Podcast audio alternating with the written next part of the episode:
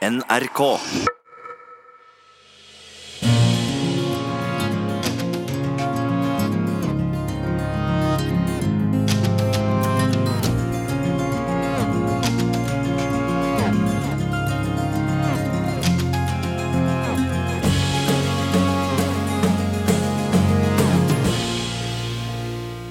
Hjertelig velkommen til finalen i P2-lytternes romanpris.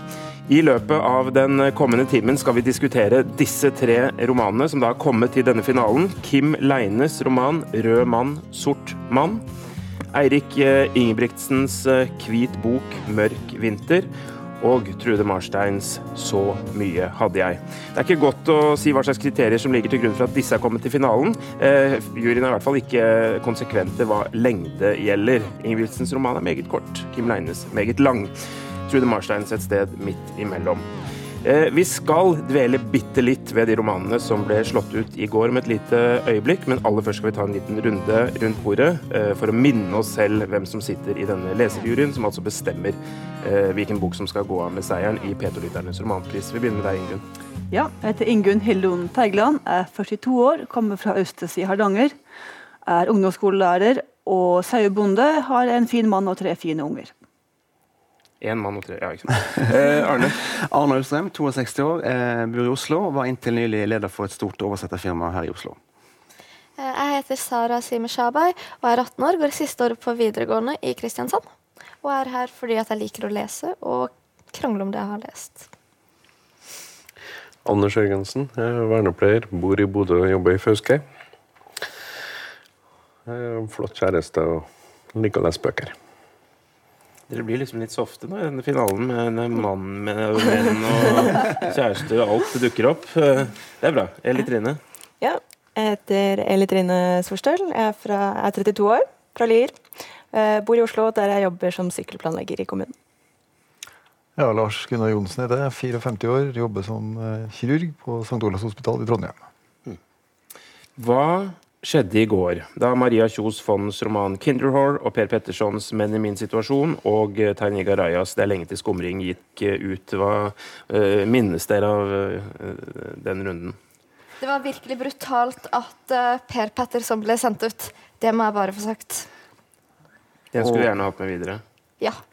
Og jeg var òg veldig overraska over at Maria Kjos Fond ble stemt ut. Der hadde vi en, en veldig sterk diskusjon, og der, der alle var veldig berørt av den boka. Og den ble altså stemt ut, og det overraska meg veldig.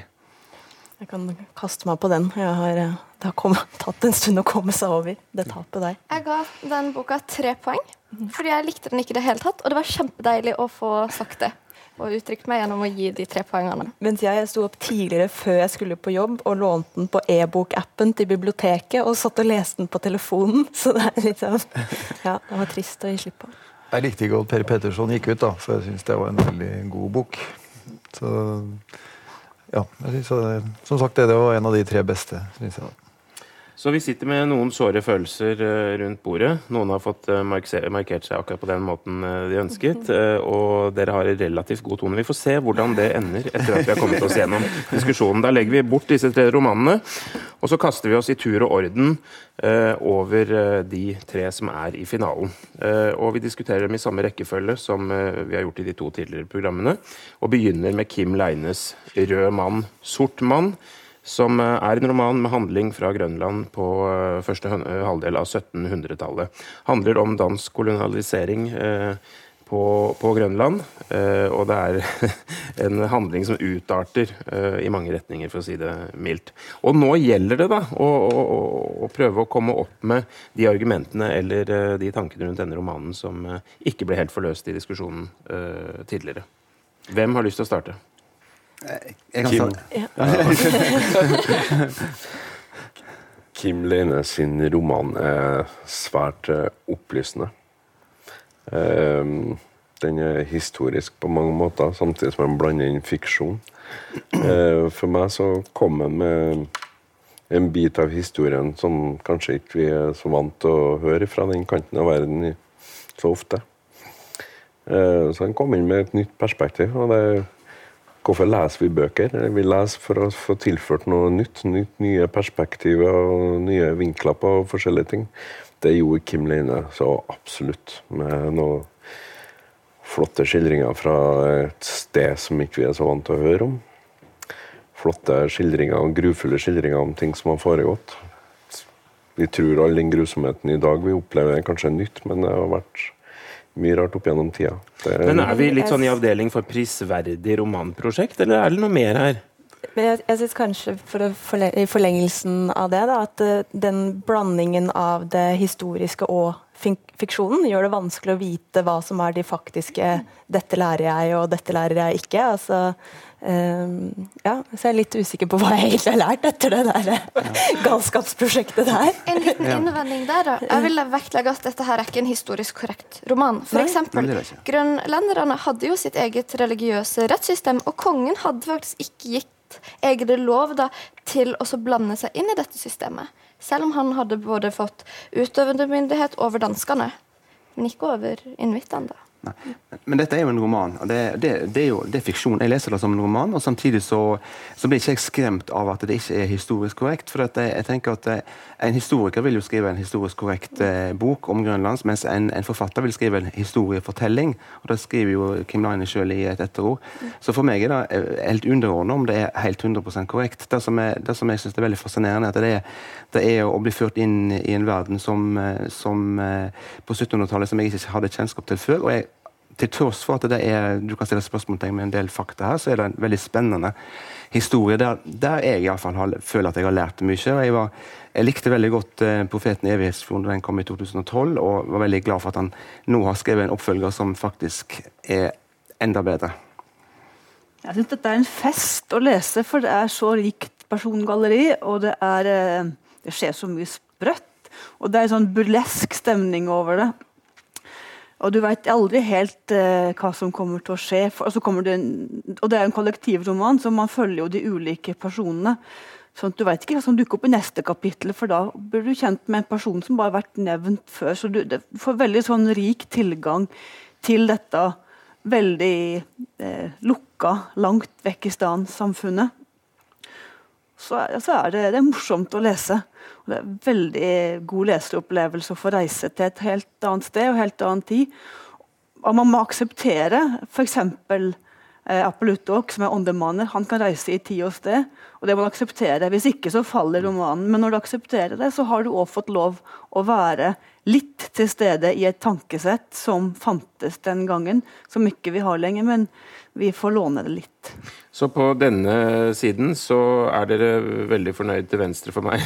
sitter en flanke da, eh, Og dere syns at det er veldig prisverdig at han tar seg litterære friheter og nettopp blander eh, det historiske forelegget med, med fiktive personer.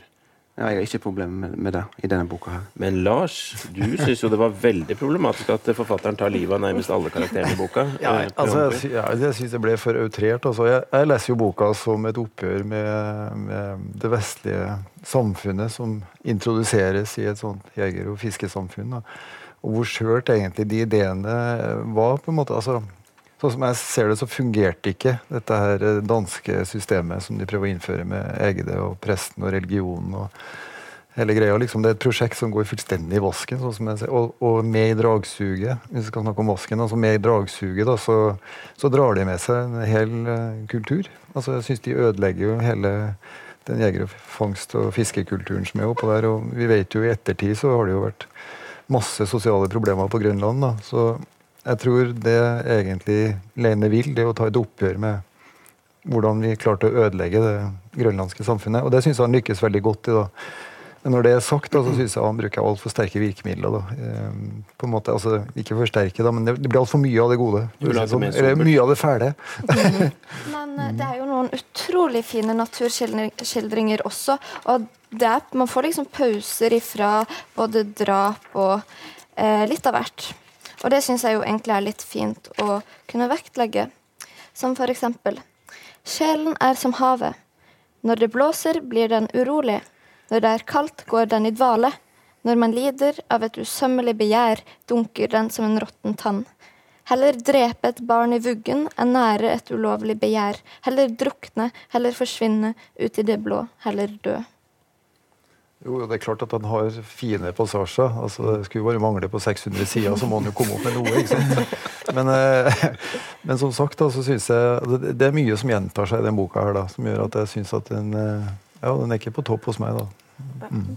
Jeg er enig i at der, at man blir ikke så glad i karakterene, så man bryr seg ikke så mye om at de lever og dør. Og så er det jo et man blir jo, Det er jo en historie du blir eh, dratt inn i når man først eh, er der, men jeg glemmer den også veldig fort eh, etterpå. Og så syns jeg det er et, det er et gøyalt grep det der at det er forskjellige personer som forteller historien. Men jeg synes ikke, for, altså selv om det er ulike personer, så syns jeg de høres veldig like ut. da.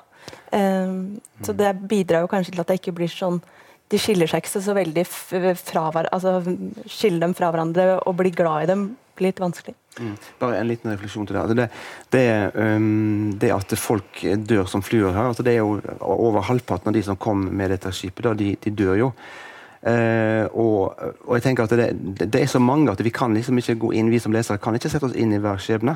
Dette her var et faktum på 1700-tallet at folk døde i massedød. For det var, det var sykdommer som gjorde at de døde veldig fort, og på en veldig brutal måte. Men det er jo andre personer inni denne historien som vi, vi kommer tett på. Så, så, liksom det er jo det er både òg her. Altså det, du sa i går eh, Eltrine, at eh, folk dør og dør, og jeg bryr meg ikke. Sant? Nei, Jeg tror ikke vi kan bry oss. Og, og det, kan du si, det er forferdelig å si, for det er jo det som skjer i dag òg i veldig mange plasser i verden, at folk dør, og så bryr vi oss ikke. Mm. Vi bryr oss rett og slett ikke, og det er helt forferdelig. Mm. Men jeg, jeg tror som mennesker så kan vi ikke. Men jeg blir uh, følelsesmessig berørt av Apollutok sitt forhold til Fredrik Kristian. Han elsker jo virkelig sønnen sin. og gjør egentlig veldig mye for å få han Fred, egentlig Påpa, da, som har blitt fått et nytt navn da, som Fredrik Kristian. Han vil ha sønnen sin tilbake, og det ender jo med at han Apollutok dreper Fredrik Christian. Og da må jeg si at jeg, jeg følte meg veldig uh, sterkt knytta til begge karakterene, og det var veldig tungt å gi slipp på Fredrik Christian der. Mm. Men hvis vi legger til grunn at forfatteren er ute i et uh, ærend som går ut på å skrive en bredt anlagt, episk roman for vår tid, lykkes han uh, med det? Jeg sitter igjen med veldig mange bilder, og de kan komme til meg uh, Plutselig kommer jeg på og nå ser jeg for meg den gamle dama som blir jagd ut av, av leiren fordi at hun er blitt for gammel, hun passer ikke inn i økologien lenger. Og så kommer jeg på det her Hernhutter-bygget. og så ja, 100 bilder har jeg skapt meg inni meg, så det er utrolig levende fortalt. Og, og jeg spinner videre på det, på det visuelle som jeg har fått oppleve ved å lese det her.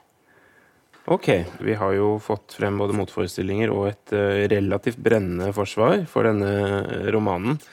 Uh, er det noen som vil, har lyst til å punktere den enda litt til, Liv Trine? Jeg syns jo at disse disse grønlenderne blir litt veldig sånn perifere eh, karakterer. Altså, jeg vet ikke helt hvordan jeg skal formulere det, men at, eh, at de blir veldig sånn eh, beef Altså, de er jo egentlig veldig viktige i denne historien, og så føler jeg at i eh, de skrives mer som eh, bifigurer. At hvis jeg først skulle Hvis jeg må bry meg om noen, så er det jo disse som eh, skildres mest, og det er jo litt rart at jeg ikke Ja måten de er skildra på, var jeg ikke så glad i. Nei, men det, det, tror jeg er helt bevisst fra, fra Kim Lines eh, side. Altså, for de, eh, de, kom jo der med, med, med, med den innstillingen at eh, disse inuittene de innfødte det, det, var jo ikke mennesker, nesten. Altså Det var jo hedninger. Sant? De var jo fortapt. De skulle jo frelse dem. Mm. Så, så, jeg tror at det er helt det er liksom, Han ser jo Han tar oss jo inn i dette samfunnet med, med danskenes eller nordmannens øyne da, mm. på, på den tida. Det som er interessant, eh, eller som jeg kunne ha lyst til å vite, er hvorfor de sendte oppover straffanger. Altså mm. folk som var helt nederst på rangstigen. da. Prostituerte var vel også kanskje den, den gata. da. De, mm. de, de, den befolkninga de sender opp. Hvis det er sånn at de egentlig vil uh, introdusere sin egen kultur og kristendommen osv. i dette landet. Hvorfor sender ikke sine beste folk, eller de som er øverst da, på rangstigen? Jeg tror jeg egentlig har et svar til det. da, fordi Danskene hadde jo litt sånn, en litt sånn liberal holdning til det her prosjektet. De skulle jo ikke først og fremst kolonisere Grønland, de skulle jo konkurrere uh, mot den engelske og nederlandske handelen. da. De hadde jo oppretta Det kongelige grønlandske handel skulle konkurrere mot det tilsvarende engelske og nederlandske. Jo, men hvis de da skal konkurrere, hvorfor sender de folk som de ikke kan stole på? Eh, de skulle jo ha sendt noen som på en måte spikra det samfunnet og som kunne opprettholde handelen og kunne delta i konkurransen. Men isteden så sender jo folk hvor det, altså moralen går i oppløsning, og ingen eh, samarbeider osv. Men er dette en innvending mot boka, Lars, eller er det innvending mot historiens gang? Begge deler. Nei, ikke noe innvending mot boka. Det er det ikke. Det var bare en ting jeg lurte på da når jeg, når jeg leste det. Men eh, ja, det er jo en årsak til all den elendigheten som oppstår. da. Det er jo faktisk det. Også, og det er liksom den der, den der massevigselen sant, i, i kirka i København før de skulle dra opp. der De, de, får, de får tildelt eh, ektemaker. sant? Ja. Og vær så god, reis til Grønland og få barn. Riktig. Så um, ja, det var vi. Men jeg er enig med deg, for dette er jo stusser veldig på hvorfor sender de opp de som er aller aller nederst på rangstigen. Altså, det blir en sant, enorm sosialt. oppgave fra Hans Egede. Han skal både omvendt og bli kristen, og så skal han holde orden på Ja, ja. eh, Så det Så skal de få barn, og så, Ja. og så dør barna. Ja. Ja. Og ikke minst holde orden da, på noen som er der litt sånn uten mål og mening. Så Ja. det er liksom hvor er det vi egentlig styrer hen, og så blir det bare kaos og gjørme, holdt jeg på å si. I, jeg var litt interessert i altså det at han Apalutok eh, altså han, Jeg oppfatter det som at han egentlig ikke vil ha sønnen sin i utgangspunktet. altså Kona hans dør jo, og, og han, gutten skal vel egentlig sulte seg i hjel. og han det hø- for meg, Sånn som jeg har skjønt det, så tar på en måte Hans egne over den sønnen i ren barmhjertighet. liksom. Det er ikke noe han gir fra seg. Han, jeg skjønte som at han egentlig vil at sønnen kanskje skal dø, da, i utgangspunktet, men så snur han senere. Altså ikke altså han Apalutok. Men Apalutok ville jo òg at Egeret skulle ta han. Han ville jo at de skulle ta begge to. Ja. Og så sier Egede nei, ikke du, Mm. men sønnen din. Mm. Så hvorfor vil Apaluktuk inn til Egede? Det kan jo Ja, spørre. det kan også spørre. Ja, Så det finnes noen ubesvarte spørsmål som kanskje åpner for uh, eh, noen svar i bind tre, hva vet jeg? Eller om det blir en helt annen uh, type bok. Vi har, vi har snakket oss gjennom noen motforestillinger og, eh, i retning av noen svar, kanskje. Ingunn, er det noe du brenner inne med? Jeg på har lyst til å åpne den enda med at man kan velge mange perspektiver. Man kan velge å lese den som eh, en kritikk mot europeisk imperialisme. Man kan velge å lese den som en far-sønn-beskrivelse. Man kan velge å lese den som en eh, advarsel mot religiøs fundamentalisme. Man kan velge å lese den som eh, et forsvar for eh, å ta vare på naturen og eh, naturbasert kunnskap. Og mange andre perspektiver. Den er veldig, åpner for veldig mange ulike lesninger. Hva syns du om de rundt bordet som ikke ser disse aspektene ved boka? ja, velge å Jeg velger å respektere at det fins ulike lesninger. Vi har blitt mer siviliserte enn de var på 1700-tallet, i hvert fall. Men uh, da konstaterer vi at Kim Leines uh, 'Rød mann, sort mann' er ferdigdiskutert uh, rundt bordet. Så får vi se hvordan den gjør det eh, i den eh, endelige avstemningen.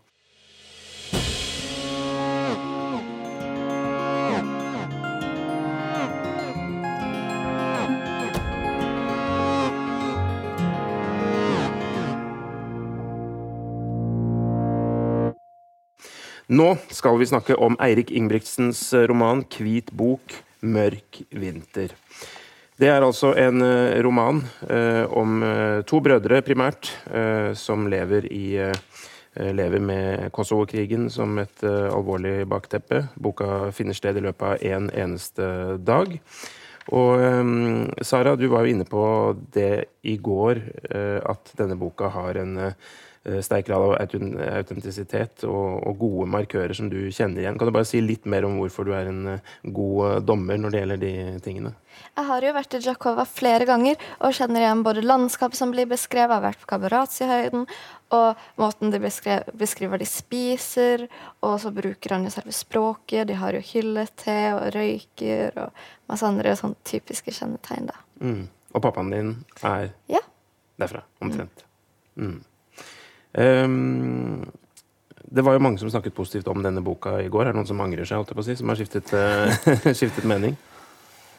Nei, jeg syns det var en fin bok å, å diskutere. Så jeg syns heller det var en bok som vokste på meg gjennom diskusjonen. På hvilken måte da? Eh, nei, at den tar jo opp veldig sånn store problemstillinger og store ting, så det var fint å snakke om med Ja, å høre andres innspill på det. Altså det som for meg var en, eh, enkel, men veldig god fortelling. Det åpna seg jo masse nye perspektiver når Sara kom med alle de symboltunge tingene som jeg egentlig ikke hadde tenkt på. da, på en måte. For meg så var det, Den første leseropplevelsen var egentlig nok til å si at det her var en god bok. da, Men det ble enda bedre da når Sara kom med sånne opplysninger som ikke jeg visste om. Da. Ja, Hvis Tarjei Vesaas skulle skrevet om eh, Kosovo-krigen, hadde det nok blitt noe à la Eirik Ingebrigtsen. Mm. Ja, for Du argumenterte sånn litt mot den uh, symbolbaserte tolkningen i går, men du har liksom gått litt mer i den retning selv? Jeg har tenkt litt da, over det. da. Så, men for meg så betyr fremdeles uh, den enkle historien mest. da. Jeg legger ikke så mye vekt på symbolene. Det er klart det forsterker jo uttrykket osv. Men uh, det er ikke det som betyr mest for meg. Det, det som betyr det er som sagt det derre brødrefellesskapet og den sterke tilknytninga som de hadde mellom hverandre. da, og Hva de gjorde for hverandre. Så Det er det du tenker på som den enkle, enkle historien i det? Ja, egentlig. Ja. Men det, det, er jo en perle av en bok, dette her. da. Kort, men veldig fortetta. Og veldig språkdreven, dramatisk handling. Og, og jeg har tenkt mer på det med symbolen, da, som du sa snakka om i går. Eh, og kommet fram til at egentlig så er dette her en, eh, en, en roman som, eh, ja, som er veldig sterk på alle de punktene. Så for meg òg har jeg likte den veldig godt første gang jeg leste den, men den har vokst på meg enda mer i, uh, i forhold til i går. Det gjør jo at jeg skal lese den på nytt igjen. det kan du gjøre. Den er kort. Anders, du var litt usikker med hensyn til langtidsvirkningen av denne boka? Ja, det, det er fortsatt ikke noe upretensiøst. Og det, og det er en ubetydelig bok. Sånn som den jeg leste ferdig. Den ga meg ingenting. Nei, du har egentlig skjerpet retorikken, du, fra eh, tidligere diskusjoner. Ja. Jeg, kan ikke eh, Det kom noen refleksjoner her om uh, symbolikken. Og det er jo beklageligvis synd hvis ikke jeg fikk med meg det. Men nå har jeg jo ikke fått det med meg, så da jeg kan jo ikke endre på det. Men det er jo et mesterverk hvis vi ser på inndelinga. Det er delt i tre. Du har denne starten med den ravnen som skal varsle døden, og den hjorten som representerer hvordan, hvordan eh, Isa da søker sin opprinnelse. Og så, og så, er det jo et snøskred, og så blir Skodran skada, og så er det på slutten, når, eh, når det er disse vårtegnene, og Reza og eh, Isa da begynner å snakke sammen. Så det er jo et mesterverk. Så, ja, hvis jeg kan bare få se litt i forlengelsen på det, så jeg er jo enig med deg. da. Eh, og det er jo det at eh, her, her befinner vi oss jo eh, del, Dette er jo 2015. Så en god del år etter at eh, krigen på Balkan slutta. Og vi kan jo stille spørsmålstegn om, om dette her på en måte er en etterkrigstid eller fredstid, og det er ikke det samme. Og dette her er en iskald dag med masse snø som dekker over et, et landskap som de ikke kommer ned i. Og de må liksom uh, hogge ned masse ved for å holde seg varme. Så det, jeg synes at det, det, det, med den snøen på det terrenget òg er veldig symboltungt. For det at under snøen så er det jo liv. Og, og, her kan du si at livet her er representert med, med disse unge uh, guttene. Sant? Mens eh, krigsveteranene de, de, strever jo og sliter med, med skadene etter krigen og sårene sant, som de ikke blir kvitt. Så eh, jeg syns det er en veldig poetisk og vakker bok. Men jeg bare et kort spørsmål, fordi at uh, Tarjei Vesaas nå, Dette blir jo veldig fritt etter hukommelsen, men Tarjei Vesaas ble vel spurt litt om ikke sant, hva er, Det kommer inn en hund der, ikke sant, og den er jo veldig så så symboltung. Hva, hva, har du tenkt? Og nei, det var bare en hund. Altså, jeg, jeg bare lurer på om dere altså, står denne romanen nå faller på symbolaspektene for dere, nei. eller uh, er den god uansett? Det er god uansett. Ingunn, du da? Ja, jeg har, jeg har lyst til å, å, bekjenne noe. Det at jeg er ikke helt med på vedloven. Uh, jeg syns boka er kjempefin. Veldig poetisk, fint språk. Uh, uh, I nynorsk med A-infinitiv. Veldig glad i det. Jeg følger Gi oss et eksempel, bare så vi har det helt klart. Altså, bare... Og finne Ja, og springe. Nettopp, det liker du. Veldig godt. Så, men i V-loven så kom, den er ikke helt tilgjengelig for meg. Fortell hva du snakker om nå. Ja, det, siste, eller det nest siste kapittelet, når Skodland ligger og er skada, og Isa kommer dit. Og da går det på tomgang for meg. Eh, og så er det sol som egentlig er lampe, og så er det undertanke. så mm, mm, mm. Jeg får ikke helt tak i det. Så nå, nå, åpner jeg mitt hjerte. Hvis noen vil overbevise meg om at dette her er et eh, flott kapittel, så er jeg mottakelig for det. Jeg, jeg, jeg, tror ikke jeg har sett det, men jeg tror det er fint. Jeg tror eksempel, Sara har lyst til å overbevise meg om at det er et fint kapittel. Men litteratur handler jo på en måte om å bare Man kan lese litteratur på to forskjellige måter. Du kan jo bare sveve gjennom boka som du gjør, og sette pris på det man har forstått, og la det man ikke helt har forstått, ligge. Man trenger ikke å fokusere på symbolene eller skildringene for å bli berørt av relasjonene mellom brødrene. Men det blir jeg ikke på Veloven, for det er så Du går ikke på tomgang i den lesninga som er gjort så langt. Og jeg, mm, ja, jeg er ikke kommet lenger enn dit. Jeg kan kjenne meg litt i, igjen i den følelsen. Eh, så, men så tenkte jeg kanskje hva var fordi det var så kaot... Altså når det skjer en ulykke, så kan det jo fort bli litt kaotisk og tatt det litt på den kappa. Men jeg også syns det detter, at det detter litt av der. Da, at den, eh, det er noe med at eh, den konkrete historien og de tankesprangene er veldig sånn lett å følge eh, fram til der. Der blir det litt mer sånn uklart. Ja. Arne, nå må du på banen. Ja, men jeg, jeg, jeg, jeg sitter og hører på For dette, jeg skal komme med en innrømmelse. Vedloven er ikke helt enkel. Den er, heller, den er ikke enkel for meg heller, men jeg har på en måte skyvd den litt til side. For jeg synes resten av boka er så veldig god. Men det som undrer meg med, med Vedloven, er jo at, det, at det, hvorfor er det ingen som på en måte ringer til den ambulansen. Til Skådran. For han ligger jo der og, og dør. Og det, det, det er snakk om at de skal ringe, og ingen ringer. sant? Og virker ikke mobil, eller Jeg tror de har mobiler, da. Men, men det som eh, Da gjorde at jeg ble jo litt sånn eh, undrende til akkurat det kapittelet. Men jeg, jeg lot undring være undring, og lot det passere. men, jeg- men jeg skjønner, ingen, jeg skjønner deg, Ingen, hva du, hva du sier om det. altså. Det som jeg tenkte om det, da, faktisk, det var sånn rent medisinsk, da, så tenker jeg at han får en hodeskade. Og så får du en blødning på en måte i hodet, hvis man skal liksom tenke medisinsk. da, Og den tar litt tid før den påvirker bevisstheten hans. da, I løpet av den tida det går, så skjønner ikke de hvor alvorlig skada han er. ikke sant? Nei. Han har vært litt inn og ut av bevissthet osv. Og, så gir det jo han i seg veldig eh, sånn Han reflekterer jo rundt det her hele tida osv. Jeg tror egentlig ikke de skjønner hvor dårlig han er. Jeg tror det er derfor det ikke på en måte er liksom Det hadde vært verre hvis han hadde hatt eh, ja, det med å kappe av seg hånda, for eksempel, som han gjør. Da er det liksom sånn med en gang. Ja. Da, er det, da må vi på sykehuset. Mm. Men en som på en måte langsomt går bort, Mm. vanskelig. Ja, for livet ebber jo bare ut. sant? Også. Det er fordel å ha en lege i salen. holdt på sin. eh. Ingunn, ble du overbevist av dette her? Det hjalp. Men du opplevde det litt som en longør, altså som noe som, eh, som var litt uavklart, på grensen til kjedelig? Ja. ja, det var åpent og ærlig sagt. Jeg, må jo si at jeg syns det var et uh, lite genistrek av en på en måte å la han dø på den måten, hvis jeg skal si det sånn. da, fordi det, det gir jo masse refleksjon rundt eh, det, det brødreforholdet de har. da, uh, på en måte. Hvis han hadde dødd med en gang, så hadde på en måte boka vært litt over, egentlig. kanskje. Det kommer noe nytt inn i det loven der, i refleksjonene hans. Eh, altså Det oppstår jo i, Sånn som jeg leste det, i hvert fall. Når Isa liksom merker at nå er livet mer- må ebbe ut, så blir det jo kritisk, ikke sant? og så gjør han noe desperat. da, på en måte, Han, han må bare gjøre et eller annet. og Det, det syns jeg var en sånn veldig sterk scene. da. Eh, han, eh, han må på en måte selvskade seg for å holde ut den smerten som eh, han opplever når broren dør. Så jeg syns at det var en fantastisk Men akkurat den scenen er Ja. kanskje som en slags renselse, og Ja. den ser jo tydelig for meg i sin grusomhet. Men det er jo før vi kommer dit Ja, at, sånn at, at eh, jeg foreløpig sliter litt med å se Ja, det for meg. For meg så, for meg så var det sånn oppspill da, til den sluttscenen mm. som jeg syns var bra. Jeg merker at jeg må overbevise sterkt om at dette er et mesterverk, for det er det absolutt ikke.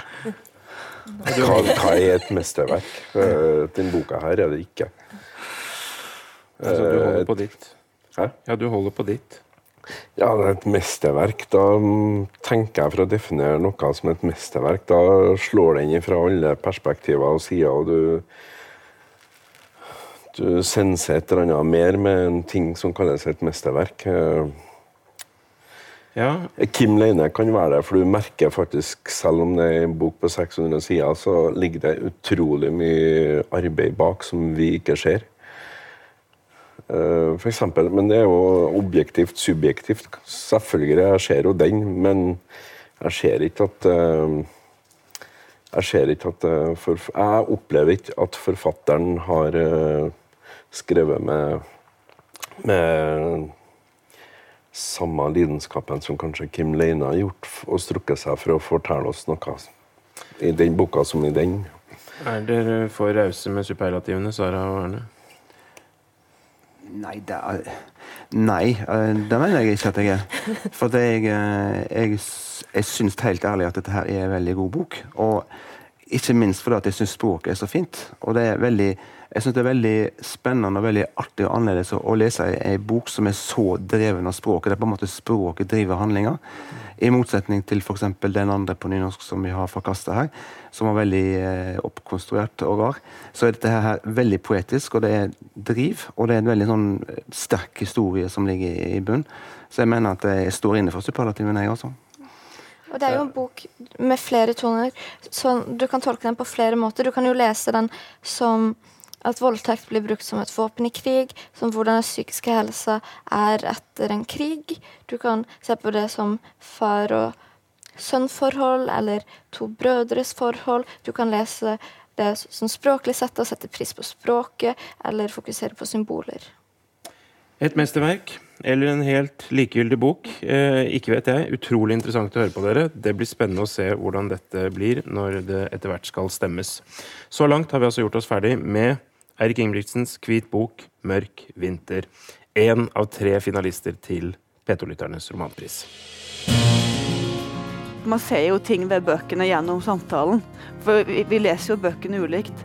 Og det, jo, det var det jeg gleder meg mest til i å være med på dette. Det er jo det å oppleve at vi er ulike. Og så har vi lest ulike ting, og så Oi, det hadde ikke jeg tenkt på. Så fint at uh, hun eller han har lest det. For det hadde jeg aldri kommet på sjøl. Vi er forskjellige i yrke og alder og personlighet og erfaringer, så vi legger merke til forskjellige ting. Jeg legger jo selvfølgelig mest merke til om det er sauer eller ikke. Jeg er jo da sauebonde, så der kan jeg jo si at det har vært et godt bokår, da, for fem av seks bøker her har med seg sau. Så det er et godt eksempel på at ulike lesere legger merke til ulike ting. Altså noe av utfordringen når man snakker om bøkene, da, og kanskje spesielt enkelte av bøkene, at det er vanskelig å sette ord på eh, hva som traff en ved boka, uten å bli veldig personlig. Eh, og de, og, eller ta personlige eksempler og sånn, så man snakker kanskje litt mer eh, overordna. Og, og, sånn sett så vil det jo ha litt å si hvor man kommer fra og den ballasten man har, for det er jo noe med det det man har i bagasjen, og det er også noe av det som treffer en når man leser om det. Den der gjenkjennelsen, eller kanskje også irritasjonen når man kjenner seg. Altså, for det, det er liksom todelt, det der å kjenne seg igjen. Både det Du blir så sint eh, fordi bare sånn ah, den er akkurat sånn som jeg er, og jeg er så håpløs. Eller bare sånn Ja, sånn er det. Det er akkurat sånn som jeg er. Altså, du finner igjen begge deler da, i, i bøkene, men også det å være helt annerledes eh, og ikke kjenne seg igjen. Så, ja, altså, det er veldig spennende. Da er det den tredje boka, Trude Marsteins 'Så mye hadde jeg'. Det er altså en bok om eh, Monica som vi følger. Eh, det er en livsløpsbok. Vi følger henne i eh, ulike aldre. Og, og, og hver alder innebærer jo selvfølgelig tilbakeblikk som gjør at vi etter hvert får veldig god oversikt over denne karakteren Monicas liv. Hennes kjærlighetsforhold, hennes forventninger til livet. Og vi får også en slags fasit i hånd etter hvert på hvordan det har gått. Og det skaper en del refleksjoner rundt hva man kan forvente av lidenskap og utbytte holdt jeg på å si, her på jorden. Hvem har lyst til å komme med en forsvarstale eller eventuelt en liten innrømmelse av at det, ikke er noe man, eller at det er noe man ikke skjønte likevel, eller dets like? Ingunn? Jeg syns boka er veldig god. Jeg likte veldig godt å lese henne. Eh, det er mye gjenkjennelse. Eh, for det er jo en bok fra vår tid og fra, fra vårt samfunn, fra Norge. Eh, og for, for alle så er den jo òg innom den fasen du er i livet. Så man kan kanskje alle finne noe eh, av seg sjøl. Eh, den er, den er eh, kompleks, for det, ting kommer igjen, og kanskje får du vite noe etter 150 sider. 'Å ja, nå får jeg oppklart det', så en må, må henge litt på da, for å få med seg. Jeg har sikkert ikke fått med meg alt på noen måte. Eh, og jeg gjorde meg noen tanker om at hun er så barnslig. Som hun var 58 år, så barnslig, tenker jeg i meg sjøl. Da jeg var 13, så trodde jeg at kvinner 42 kunne skikkelig mye om livet. Og nå er jeg der og kan jo ikke så masse om livet og kan bli trist og glad for de samme tingene som Ingunn på 13. Så det er noe av det jeg sitter igjen med i dag, når jeg har tenkt gjennom den på nytt. at Det er noe med at den, vi, er, vi er mye av den samme. bare med litt ulik innpakning gjennom livet. Mm. Jeg også kan kjenne igjen den uh, gjenkjennelsesfaktoren. Uh, uh, både på godt og vondt. Er ikke, er, Monica er jo ikke alltid like ålreit, så man blir jo litt irritert på henne. Så noen ganger blir det litt sånn ting man kanskje kjenner igjen og blir nesten litt irritert på seg sjæl. Altså, så det er et godt tegn, egentlig, når man underkjenner den karakteren litt, eller? Ja, er det ikke Ja, hun, jeg syns det. At det skaper jo noe det vekker noe igjen da, når man leser boka. Det er vanskelig å være uberørt. Mm. Jeg kan ikke relatere. For meg så er det veldig viktig å sette pris på det nære og finne gleden i hverdagen og det rundt deg, og sette pris på faktisk det du har. da. Mm. Og det er ikke noe jeg syns Monica representerer. Jeg, jeg, fikk, jeg, likte også godt å lese denne boka. så jeg fikk uh, veldig sånn varme følelser for uh, Monica. Jeg, synes, jeg, kunne liksom følge henne opp, og du kan si at det kan virke uansvarlig sant, og litt uh, forvirra. Men det er jo sånn uh, livet er. er ikke, og Jeg tenker at det, jeg synes det er veldig fint grep det at du følger henne fra hun er 13 til hun er 57 år mm. gjennom uh, disse sidene.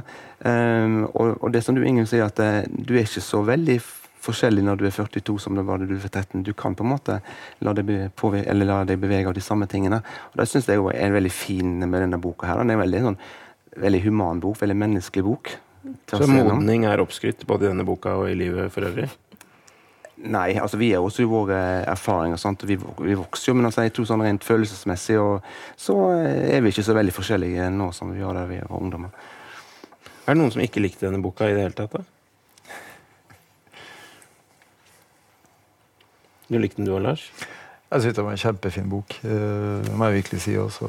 Eneste jeg ler meg for med denne boka, her, at jeg tror at, den, at du må være litt oppi åra, for å si det sånn. Du må oppleve en del ting for å like den boka her virkelig godt og få det største utbyttet av den, tror jeg faktisk. Du må ha en del livserfaring. Men når det er sagt, da, så, så syns jeg den står litterært utrolig sterkt med de grepene som hun gjør, eh, med bl.a. de Altså det er 17 kapittel, 17 forskjellige aldre.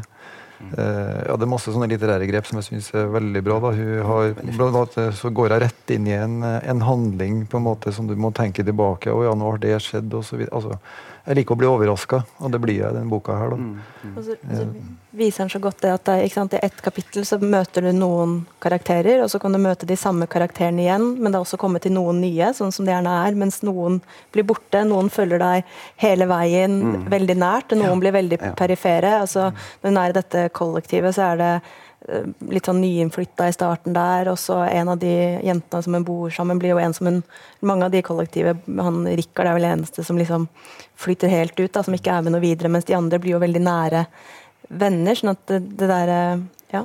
Språket i boka er utrolig bra. Og eh, hun skildrer jo de her følelsene som Monica sitter med, veldig godt. Men Monica er jo en uspiselig karakter. Hun er jo kynisk og egoistisk og setter ikke pris på f.eks. Geir. da, Og for meg ødelegger det litt. Eh, hun skriver f.eks. Um, jeg lengter etter at det skal gjøre vondt. Rive meg opp. Rive opp Geir og rive opp alt vi har hatt sammen og vært sammen. Det kjennes ikke riktig å avslutte på den myke og smertefrie måten.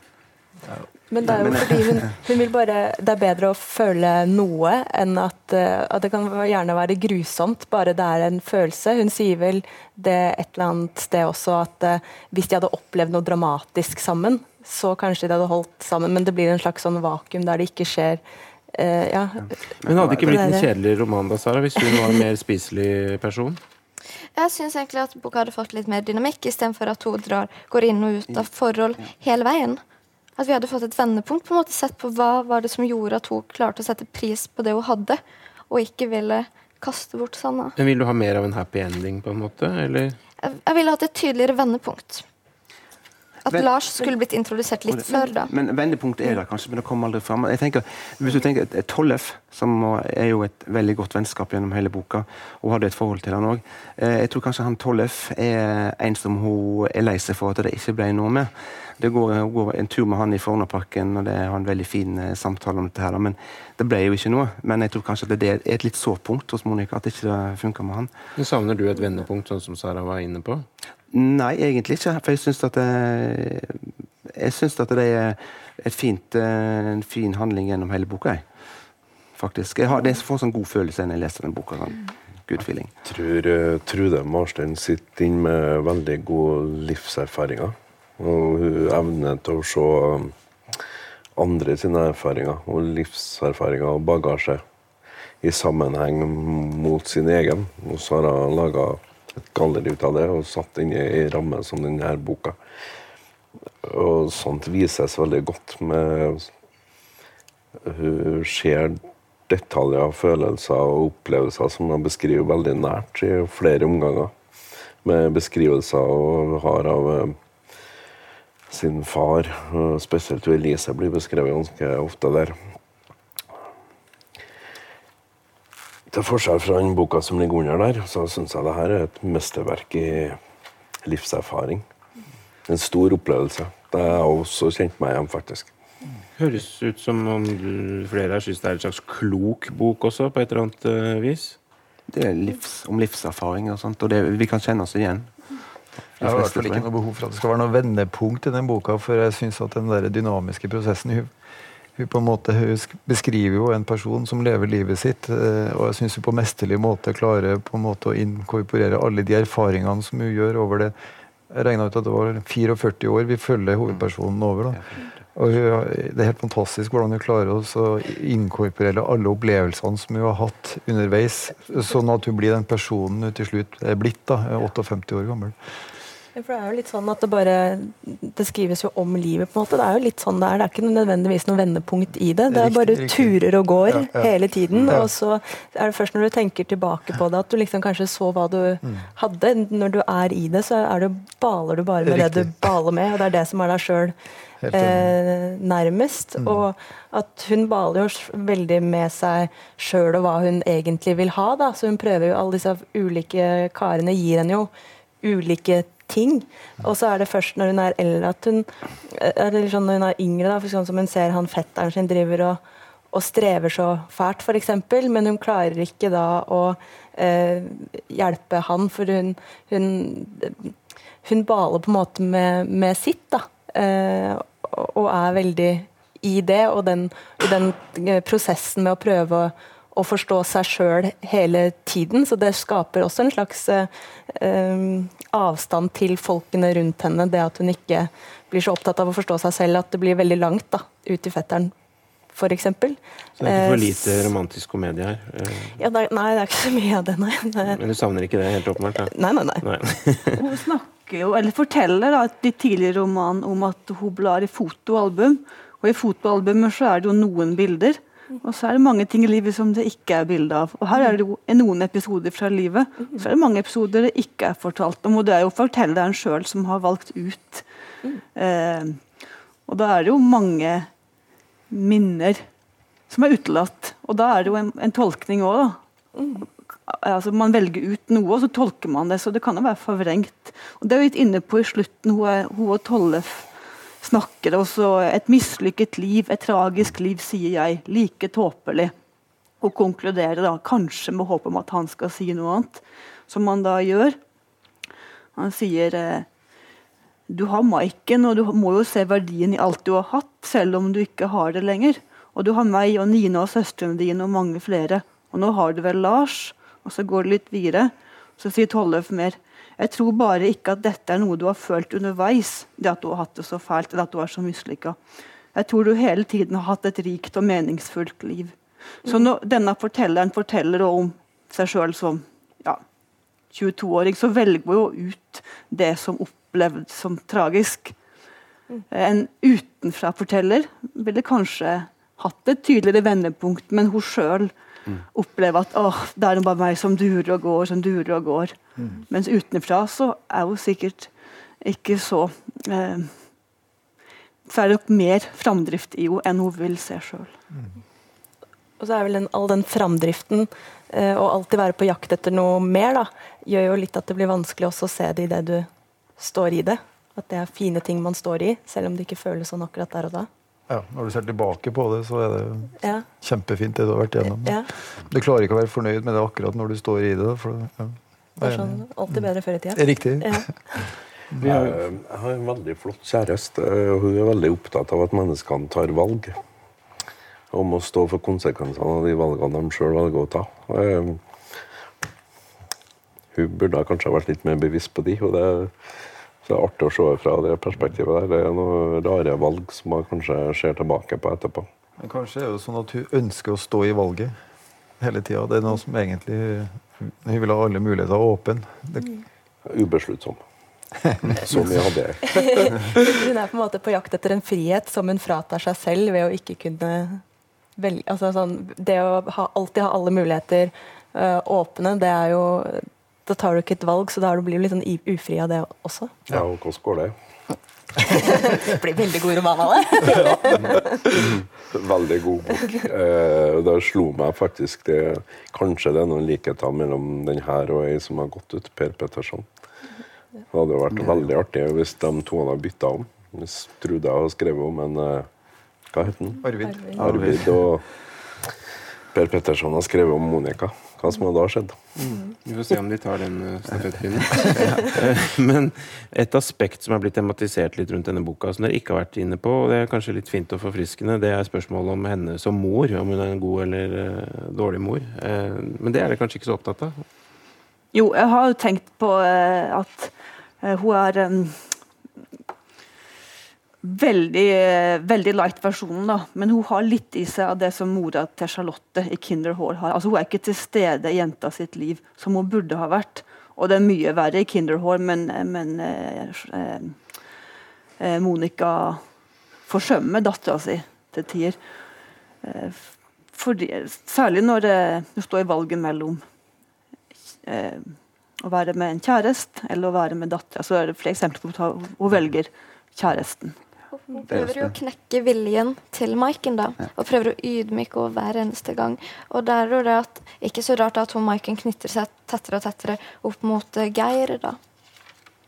Maiken, datteren, er, men er det godt eh, beskrevet, syns du? Eller er det godt, Ja, eh, faktisk. Relasjonen mellom mor og datter syns jeg, synes jeg er utrolig fin og egentlig ganske rørende da, på en vond måte. Som jeg synes egentlig kunne blitt kunne stått tydeligere i fokus. da.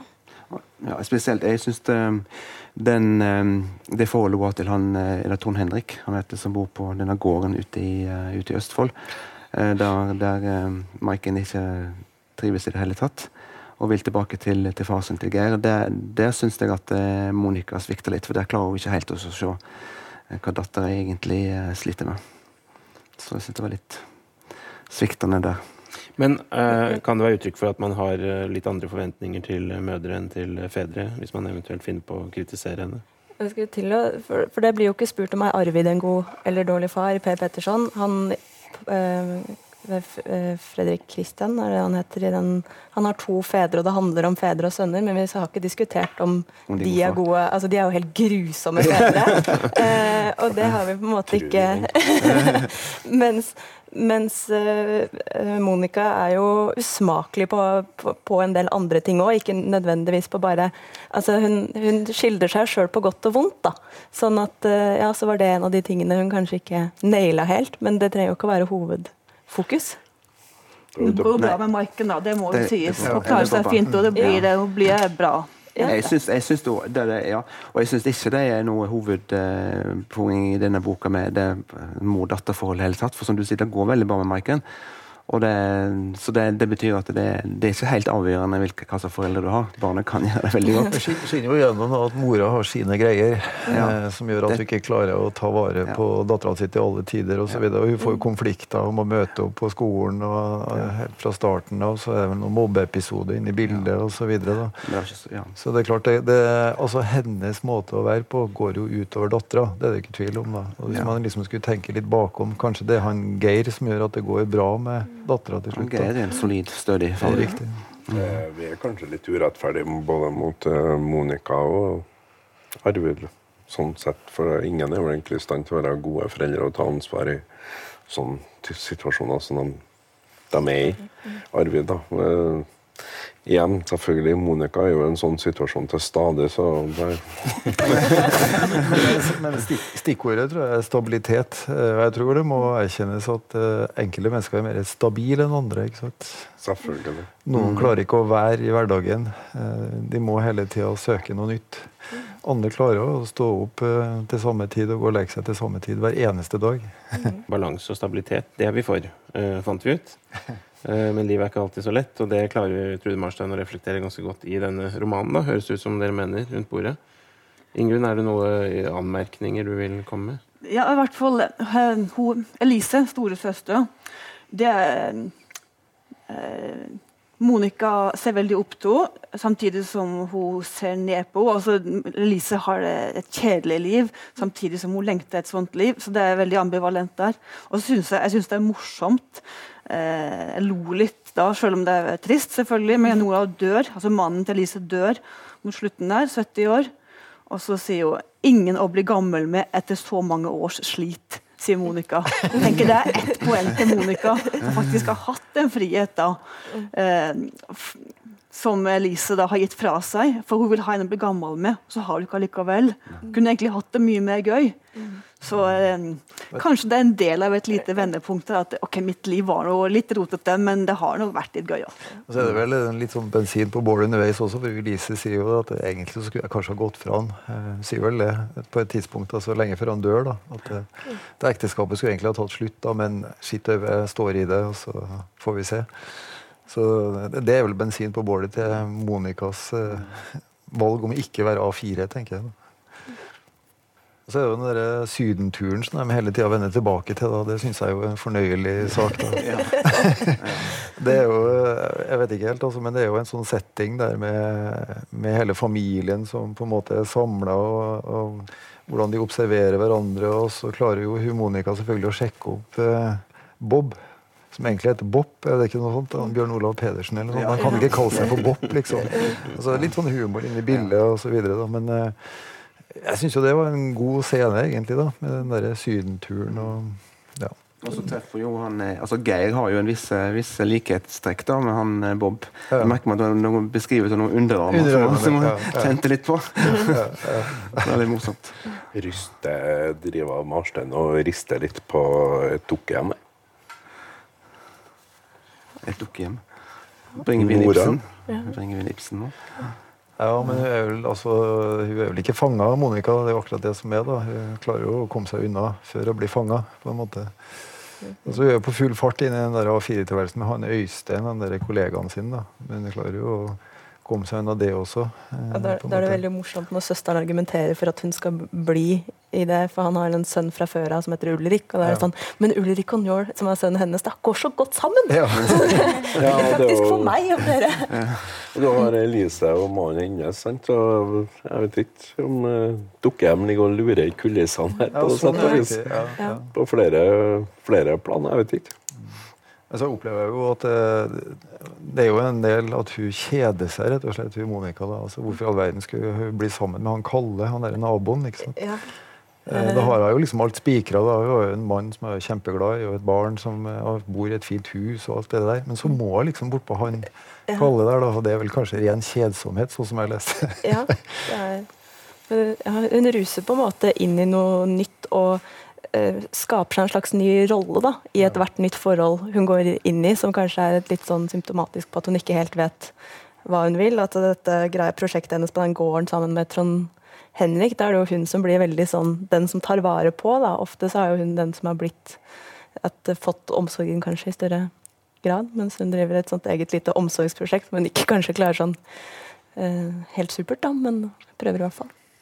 Det var så langt vi kom i diskusjonen om eh, Trude Marsteins eh, 'Så mye hadde jeg'. Vi har også snakket om Eirik Ingebrigtsens 'Hvit bok, mørk vinter' og Kim Leines 'Rød mann, sort mann'. Disse tre er altså finalistene i P2-lytternes romanpris, og en av dem er vinneren. Eh, hvem som vinner? Avstemningen kommer i morgen, og alle dere som sitter i denne juryen, må altså tenke dere virkelig nøye om, ta inn over dere alt vi har snakket om, selvfølgelig, og finne ut hvem som eh, fortjener å vinne denne prisen. Så langt, takk for nå. Nå er det spenning her. Eh, Jeg må jo si at jeg er litt spent nå rett før avstemning. Det er ganske vanskelig å skulle ta en avgjørelse nå. Det er jo nå det gjelder å må prøve å samle tankene sine og veie, veie de litt opp mot hverandre.